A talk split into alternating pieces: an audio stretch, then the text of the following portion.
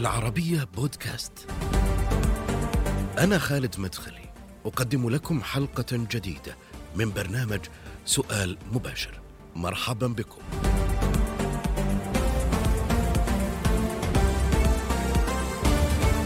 ضيف اليوم له علاقة وطيدة مع أفعل التفضيل. يقال دائما إنه الأغلى سعرا والأكثر شهرة والأعلى تأثيرا وربما أيضا الأكثر إثارة للجدل على شاشات التلفزيون. ومع ذلك فهو يتعامل مع مهنته الإعلامية كما يرى الكثير بطريقته الخاصة. يعرف جيدا كيف يعزف على إيقاع الشارع ويتفاعل مع هموم الناس واهتماماتهم كما يرى البعض. الإعلامي المصري عمرو أديب في سؤال مباشر. أستاذ عمرو أهلا وسهلا بك معنا في سؤال مباشر وكل سنة وأنت طيب. وانت بالصحة والسلامة إزاي حضرتك؟ أنا الحمد لله بخير. خليني أبدأ معك أستاذ عمرو من كونك واحد من أهم مقدمي برامج ال talk show على مستوى العالم العربي. القاهرة اليوم 18 سنة تقريبا آه، آه، مباشر مع عمرو أديب كل يوم على ON TV ومؤخرا الحكاية. رؤية عمرو أديب في برامج ال talk show في العالم العربي هل ما زالت تعيش عصرا ذهبيا أم لا؟ هو الرد على السؤال ده أنا يعني يعني لازم يكون عندي أرقام ولازم يكون عندي أبحاث ولازم يبقى عندي ريتنج ده مش موجود في العالم العربي. م. يعني أنت في العالم العربي تقدرش تقول إيه؟ من هو برنامج رقم واحد؟ آه كيف كانت المشاهدة لبرنامج آه سؤال مباشر بالأمس؟ ده مش موجود. م. بصراحة وخلينا نتكلم آه بوضوح يعني. م. إنما اللي أنا أعرفه إن أنا بقالي 25 سنة دلوقتي شغال. ولغاية دلوقتي ما حدش مقعدني في البيت. يعني كل ما أجي أقعد في البيت يقولوا لي تعالى اشتغل. واللي أنا أعرفه إن الثلاث محطات اللي أنا اشتغلت فيهم عملت فيهم أعلى مشاهدة وأعلى إعلانات. فهل ده معناه إن التوك شو بيتشاف ولا ما بيتشافش؟ ما أعرفش. إنما اللي أنا أعرفه أو الشغل اللي أنا يعني مثلا ما تيجي تقول لي عمرو أنت بتبيع عربيات كهربائية إيه الدليل؟ أقول لك والله ما عنديش ولا عربية في الأجانس بتاعي. فده يعني الدليل اللي عندي. بس هل هي ماتت؟ هل هي في سبيلها إلى الوفاة؟ الشيء اللي أنا بعمله لو حضرتك عايز تسميه talk show لغاية دلوقتي يعمل وموجود والناس بتتفرج عليه وهو يمكن كان في حد عامل بحث في الجامعة من كام سنة كده lifestyle يعني بقى الناس عندها lifestyle إن هي بالليل بتتفرج على برنامج ما. يعني ما بقولكش إن هم بيتفرجوا على عمرو أديب وهو الأوحد. لا لا لا. كل واحد عنده برنامج معين زي ال news programs الأمريكية بالليل. هم أربع خمس برامج في ال national TV. الناس بتتفرج على ده وعلى ده وعلى ده بالليل وخلاص. إنما هل مات؟ ما اظنش هل بيموت؟ ما أعرفش. إنما اللي أنا أعرفه إن أنا لغاية دلوقتي ببيع عربيات كهربائية. جيد. طيب بناء على إيش عمرو اديب بيبيع عربياته وبيبيع أرقام مشاهدة. هل المعايير الموجودة الآن في الاستفتاءات في الأرقام هي معايير موضوعية مهنية يمكن الاستناد إلى الأرقام وبالتالي النتائج التي تفرزها. لا أنا بقى مش هقول لك الأرقام. اصله برضو أنا يعني أنا مش عايز أتكلم عن نفسي ولكن أنا هقول لك المقياس. حلو. تعال نبص للإعلانات.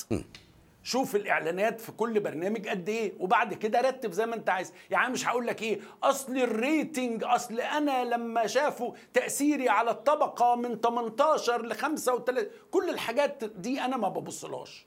أنا حضرتك عايز تشوف شوف عندي إعلانات قد إيه. وعلى فكرة لو أنا ما بجيبش إعلانات أو أنا ما بشتغلش ما كانش حد هيجيبني. كنت هفضل قاعد في البيت هيقولوا متشكر. زي ما حصل على فكرة لمذيعين كتير قالوا لهم متشكرين جدا. يعني انت شايف انه موضوع الاعلانات هي تأكيد على مدى متابعة الناس أو جماهيرية أي برنامج وبالتالي أي مذيع في هذه البرامج برامج التوك شو أستاذ عمرو. لأن هناك من يقول مثلا بأنه المدخلات اللي تطرح في مواقع التواصل مثلا جوجل على سبيل المثال أو مثلا يوتيوب بالمشاهدات ببعض المقاطع من البرامج هي مش صادقة يعني لأنه تعتمد على الإثارة. إنه المذيع الفلاني المواجهة مع فلان ومدري إيش ومنشتات تذكرنا بالمنشتات الموجودة في الصحف الورقية.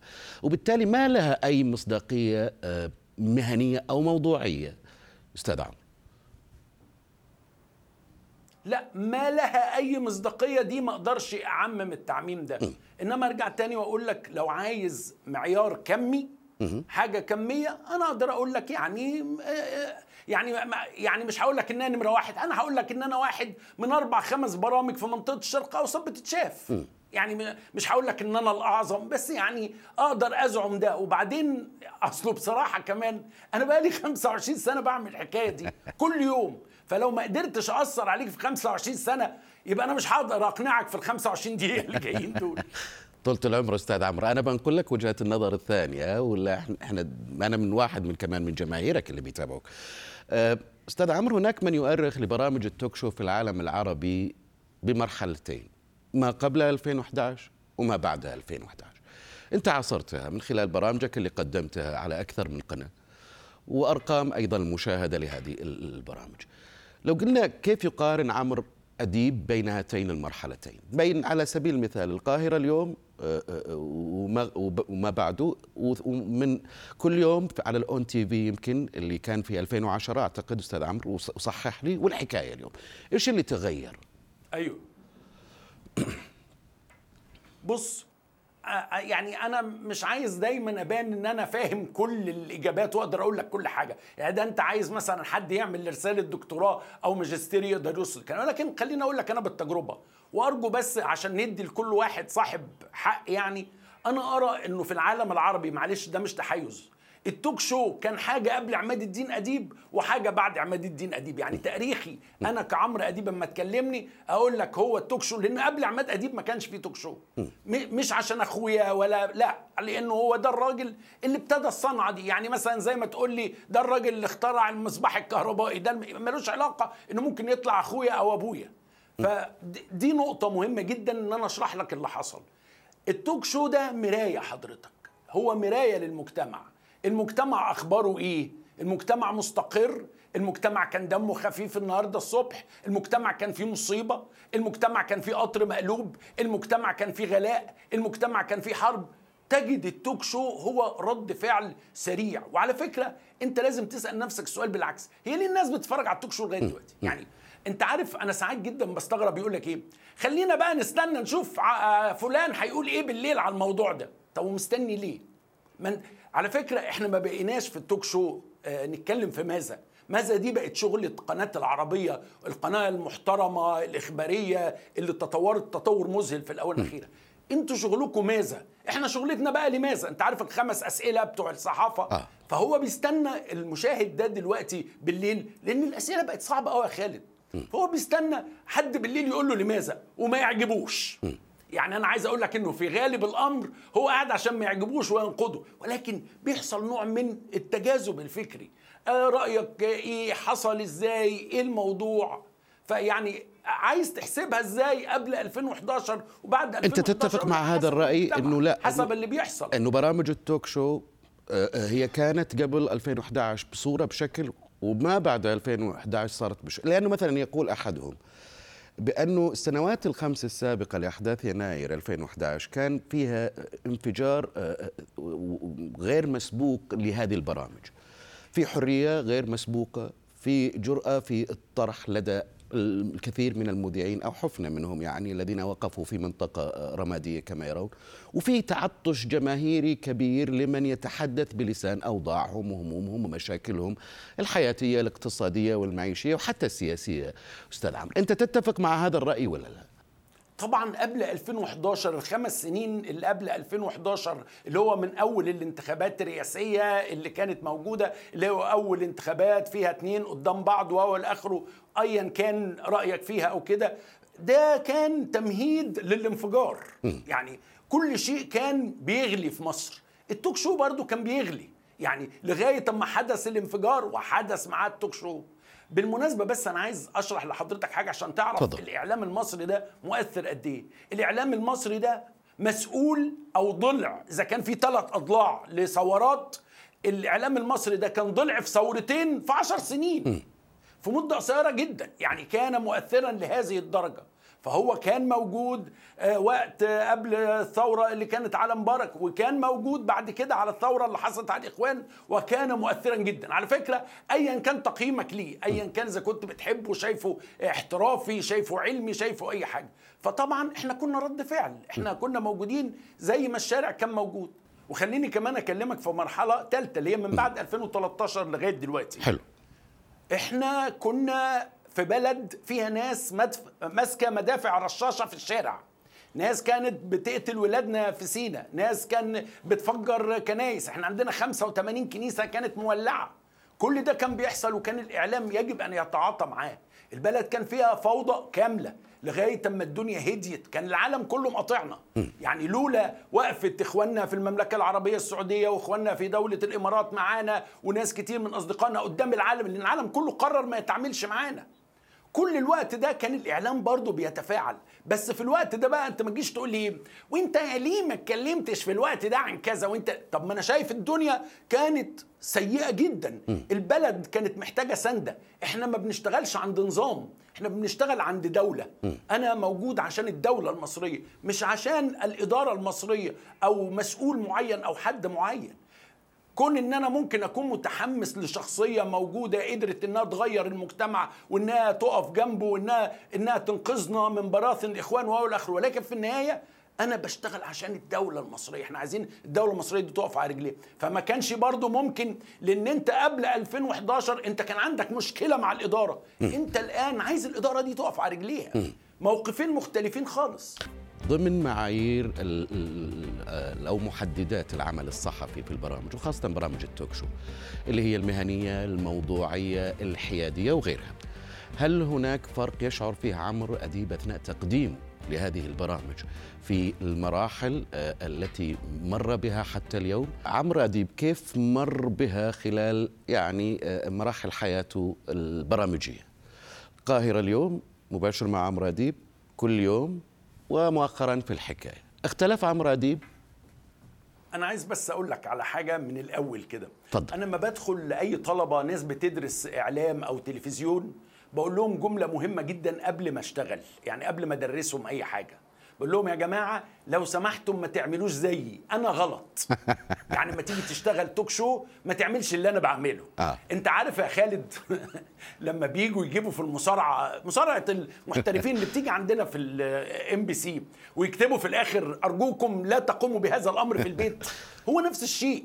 أنا يا جماعة لا يعني لا ينطبق علي محددات ولا القوانين. أنا غلط. آه. يعني أنا مش مش الحاجة الصح. رغم إن الآن يعني أنا مش بقول إن أنا يعني كنت مدرسة والآن انتشرت في أوروبا وأمريكا. الآن المذيع في كل مكان يقول رأيه. أستاذ خالد بعد الانتخابات الأمريكية حط خط. الانتخابات الأمريكية حط الأخيرة. خط على موضوع المذيع اللي ما بيقولش رأيه ده. خلاص انتخابات بايدن الموضوع. ترامب تتكلم عنها. انت كنت بالتأكيد. شايف السي ان ان آه السي ان ان كانت مع ترامب. كانت ضد ترامب وفوكس كانت آه، مع آه، مع ترامب. الاثنين قدام بعض وكل مذيع بيقول رأيه. أي good morning show كان بيقول رأيه. الواشنطن بوست كانت بتقول رأيها. خلاص فكرة المذيع الذي يقرأ يقرأ من على الشاشة ويلتزم بالنص انتهت تماما في العالم. آه بس بس هناك أنت أنت قبل وبعد. تصنفها بين مع أو ضد. ما عندناش في العالم العربي هذه الثنائية يا أستاذ عمرو. ما فيش مع أو ضد لازم تكون مع أنا أطرح لك أو أنقل لك وجهة النظر الأخرى. فبالتالي المقارنة هنا كما يقول كثير مغلوطة يعني. لا ليه؟ ساعات كتير كنا معه ضد. مم. إحنا وقت ما كانوا الإخوان موجودين كنا ضد الإخوان. وهم موجودين وهم موجودين بره مدينة الإنتاج الإعلامي كنا ضد. لغاية دلوقتي إحنا عندنا حاجات كتيرة ضد. في سياسات ممكن ما تبقاش مع عجبانا نبقى فيها ضد. يا أخي في الكورة بنبقى معه ضد. في الفن بنبقى معه ضد. في السياسة في الاقتصاد في كل شيء بنبقى معه ضد. يعني أقصد إحنا أو أنا بالتحديد علشان ما أحملش حد آه، يعني ذنبي أنا بقول رأيي. أنا اللي بيعجبني بقوله وما بيعجبنيش ما بقولوش. يعني ولذلك أنا بقول لك بص للي حصل في الانتخابات وليه هنروح بقى قديم ليه؟ ده الانتخابات الأمريكية دي من سنة. حضرتك من شهر ماذا فعلت أوروبا في روسيا؟ مش منعت كل المحطات الروسية منعت كل الإعلام الروسي. وماذا فعلت روسيا في الإعلام الغربي؟ منعوه كله دول بقى المهم دول كانوا عظماء الحرية دول كانوا جنة الحرية. منعوا بعض ما حدش يتكلم. أستاذ خالد Whoopi Goldberg اللي بتقدم برنامج The View وعلى فكرة The View ده توك شو كل الستات اللي قاعدين فيه بيقولوا رأيهم. ووبي جولبرج دي من شهرين عملت مقارنة بسيطة كده آه، ليها علاقة بالمحرقة بتاعه اليهود في في الحرب العالمية الثانية نعم. وبي جولبرج قاعدة في بيتهم لغاية النهارده في بلد الحريات.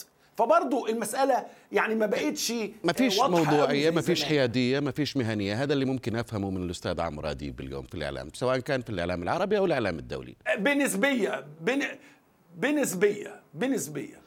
آه طيب آه اليوم هناك من يرى بأنه برامج التوك شو في مصر. خلينا نتكلم في مصر. إحنا نتكلم عن تقريبا 30 ساعة في الأسبوع أو أكثر أستاذ عمر برامج أو عدد ساعات البث البرامج التوك شو في في مصر.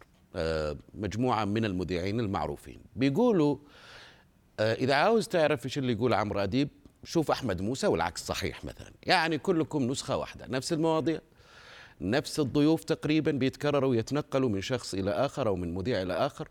نفس الرسالة كمان بتوجه من شخص إلى آخر نفس الطريقة أو الستايل اللي هي المتعودين عليها إنه مذيع يخاطب الجمهور بشكل الواعظ اللي يوجه لهم رسائل فترة يعني الزمنية ممكن تطول أو تقصر ويحدد لهم توجه توجهاتهم وفقا لرأيه. رأيك إيه في الكلام ده؟ حضرتك اولا الكلام ده مش صح على علاته. أنا عايز مثلا برضو أتكلم عن نفسي. أي. أنا آخر برنامج بيطلع في الهوا. فأنا بشوف كل البرامج اللي قبلية. أنا ما أقدرش أبقى زيهم. يعني مش زيهم في المستوى. هم كلهم عظماء. على فكرة أنا رأيي إن كل زملائي في التوك شو عظماء. خلاص؟ حلو. عشان نحط دي على جنب. ولكن أنا شخصيا حتى لما في حاجة بتتحرق ودي اسمها بتتحرق أنا بضطر أغيرها. وبعدين خليني أسألك السؤال المهم. أنت عايز تقول لي إن نشرة الأخبار بتاعتك في العربية غير نشرة الأخبار اللي في البلد اللي جنبك على اليمين أو على الشمال؟ أتحداك. يعني على الأقل تتغير الضيوف ترتيب الأولويات. هي تتغير الضيوف يتغير لا الطرح لا يعني آه يعني آه. يعني بسيط. إنما ترتيب أو بلاش يا سيدي. آه. الخمس برامج الأمريكية اللي بالليل بتاعت النيوز. ترتيب الأخبار هو هو. هي طريقة التناول. على فكرة كل المذيعين اللي في مصر وفي العالم العربي أعظم مني. بس ما حدش بيعمل اللي أنا بعمله. يعني أنا بعمل بطريقة مختلفة. لأن أنا عندي مبدأ مختلف شوية. إنه لازم يكون في متعة فيما تشاهد. انترتين يعني سلي الناس وهم بيسمعوا. أنا ممكن أقول لك أي حاجة في الدنيا بشكل باين وعلى فكرة لو عندي حادثة قطر بالليل لازم هتبقى موجودة عندي وعند زميلي وزميلتي وكل الناس اللي موجودين. فلا هو التناول مختلف. وبعدين سؤال أخير ده اللي بيجنني. بجد هو أنتوا ليه بتفرجوا على كل البرامج؟ هو في حد في العالم يا جماعة بيقعد يتفرج على السبع برامج ورا بعض؟ إحنا عندنا من الساعة 8 للساعة 1 20 برنامج. حلو. أنتوا ليه بتتفرجوا على 20 بره الناس بتتفرج على برنامج واحد أو اتنين بالكتير لأن هو ده اللي بيحبه. إنما فكرة يقول لك إيه؟ أنا شفت فلان وفلان وفلان وفلان وده وده وده وده قالوا طب وانت عايز مني إيه؟ علمونا في الإعلام يا أستاذ خالد إن أنا لازم أقول لك المعلومة كأنك ما سمعتهاش قبل كده. اليوم؟ أنا بحكي الحكاية ليه؟ أنا لازم أقول لك ال background وماذا حدث وكيف حدث وبعدين بعد كده أشرح لك وجهة نظر اليوم إلى أي مدى الإعلام المصري وبرامج التوك شو عمرو اديب تحديدا بيتماهى مع حاجات الشباب؟ الشباب نسبتهم الأكبر في المجتمع المصري. لهم منصاتهم يعني منصات التواصل الاجتماعي وتويتر وفيسبوك وغيرها آه، يعني. إلى أي مدى اليوم يتعامل أو يهتم عمرو أديب بهذه الفئة آه، من من الناس الموجودين في المجتمع المصري؟ وخليني أسألك سؤال إلى أي مدى تظن بأن هناك متابعة لهذه البرامج من قبل هذه الفئة الكبيرة؟ لا أنا ما أظنش إن أنا عندي اختراق جيد لفئة الشباب. آه. لا أنا ما يعني أنا بعترف لك. أنت مع الشباب يعني. في السن ده وده طبيعي على فكرة. في في ناس ما كل برنامج له المستوى الاجتماعي والمستوى السني. يعني أنا عايز أقول لك حاجة. أنا كل تيجي واحدة جميله جدا تقرب مني كده وتقول لي على فكره أنا ماما بتحبك قوي. أو لا طب ماما بتحب وانت اخباري يعني عارف إزاي؟ فانا السن ده هو اللي بيحبني. يعني عارف إزاي؟ في سن معين بيتفرج عليا. لا أنا مش جمهوري أو أنا مش يعني مش طب ليش ما تنزل لهم؟ أزعم أو ليش ما تطلع لهم يعني؟ على اعتبار ان الجمهور هو الأهم. آه أنا آه لا موضوع أهم ده برضو يعني إحنا قعدنا في الحكاية ديت وقت الثورة والشباب ونوصل للشباب والكلام ده. بس خليني أقول لحضرتك حاجة. أنا جمهوري بقى في الشباب فين؟ في السوشيال ميديا. يعني بعد ما الحلقة دي تتقطع حتت صغيرة كده وأكيد هتلقى ده معاك ومع ناس تانية طيب. كتير. يبتدوا هم بقى يتفاعلوا لأنه الشباب ما بقاش قاعد على شاشة التلفزيون. الشباب بقى قاعد على الشاشة دي. الشباب بقى قاعد على شاشة الموبايل. فهو بيستناك وعلى فكرة دي ليه عيوب خطيرة لأن هو طبعا بيشوف الحاجات مجتزأه فيبتدي يعلق عليها بشكل مجتزأ فأنا جمهوري من الشباب فعلا على السوشيال ميديا مش يعني لما الحاجة بتاعتي تتقطع وتتعمل سندوتشات صغيرة كده وتروح للسوشيال ميديا. أستاذ عمرو أنت في حلقاتك دائما تركز على جوانب سياسية يمكن الحالة الاقتصادية اللي بيعيشها العالم ومصر الحالة الصعبة دائما بتقول إنه إنه إحنا ورانا أيام سوداء أو في أيام سوداء وبالتأكيد تقصد ما يحدث من تغيرات سياسية على مستوى العالم. كورونا ثم الآن الحرب الروسية الأوكرانية. وكأنه العالم كما يرى الكثير يعني منقسم الآن بين معسكرين غرب وشرق. مصر والعالم العربي والخليج تعتقد برأيك إلى أي مدى يمكن أن تستمر في حالة الحياد أمام هذا الانقسام؟ بص بجد موضوع الحياد لا يعنيني في شيء. أنا اللي أنا اللي هممني المصيبة اللي وقعت على دماغنا. أنت عارف إحنا عندنا نكتة في مصر بتقول الراجل يعني تعيس الحظ اللي كان ماشي في الصحراء وقعت عليه بلكونة. إحنا حصل لنا كده. إحنا ملناش ذنب في اللي حصل. يعني موضوع إحنا مع الروس ولا مع الغرب إحنا هنقف مع دول ولا مع دول؟ ولكن لو عايز إجابة أنا شايف إن كل دولة يجب أن تقف مع مصلحتها. الآن هي دي لغة العصر. ما تقوليش بقى أصل مش عارف إيه ودول كانوا وتاريخ ما فيش تاريخيا. أنت مصلحتك فين؟ هو ده المهم. والعب لعبة مصلحتك زي الشطرنج. وعلى فكرة أنا قلت رأيي ده 100 مرة. مصلحتك ثم مصلحتك ثم مصلحتك. إنما بجد اللي حصل إن إحنا دخلنا في مصيبة ملناش دعوة بيها. أنت المذيع الأعلى أجرا أستاذ عمرو آه على مستوى العالم العربي. وكان الفيديو الشهير اللي مع آه معالي المستشار آه أستاذ تركي آل الشيخ أبو ناصر. أنا ودي أسألك في في نهاية هذه الحلقة عن علاقتك الخاصة مع تركي آل الشيخ. ليش أبو ناصر جاب عمرو أديب واعطاه هذه الميزة وقدمه بهذا الشكل دونا عن بقية المذيعين؟ أنت لك علاقة خاصة مع أبو ناصر ولا أنا سعيد جدا بالسؤال ده. عشان ده فرصة بس أشرح للناس إن هذا الرجل صاحب فضل عليا ما هو عندنا مصر في مصر مثل بيقول إيه؟ لاقيني ولا تغديني م. تركي آل الشيخ لقاني. تركي آل الشيخ وقف جنبي. تركي آل الشيخ دعمني. تركي آل الشيخ سندني. يعني أنا في الوقت ده إحنا كنا في رمضان. أنا فاكر الموضوع ده كويس قوي وكنا في زيورخ. وكان الدنيا بالنسبة لي صعبة ومقفلة في وشي جدا. سودة. فجاء تركي آل الشيخ قال لي تع تعالى اشتغل واعمل كذا. واحد اتنين تلاتة. اقسم بالله أنا بحلف لك اهو حلفان في رمضان. أنا ما كان هممني أنا هاخد كام ولا هعمل إيه. أنا هممني هم همني جملة واحدة قالها لي تركي آل الشيخ وقتها وهو بيسلم عليا وأنا ماشي قال لي يا عمرو لو سمحت طول لي رقبتي. بقى لي أربع سنين يا خالد في إم بي سي هي دي الكلمة اللي قدامي طول لي رقبتي. اللي يعرف تركي آل الشيخ هذا رجل لا ينام. تركي الشيخ لما تتعرف. يعني أنا دلوقتي ما أقدرش أقول إن أنا بس بشتغل مع تركي الشيخ ده صديق وأخ صاحب صاحبه. أما تعوزه تلاقيه. أي نعم مش فاضي. بس ابعت له وهو هيبقى جنبك وهو هيراعيك وهو هيشوف أنت عايز إيه وهو هيرد عليك. مش أنا بس أنا وناس كتير. فتركي الشيخ ده واحد من الناس اللي ساهموا في تغيير شكل المملكة العربية السعودية. من خلال رؤية الأمير محمد بن سلمان.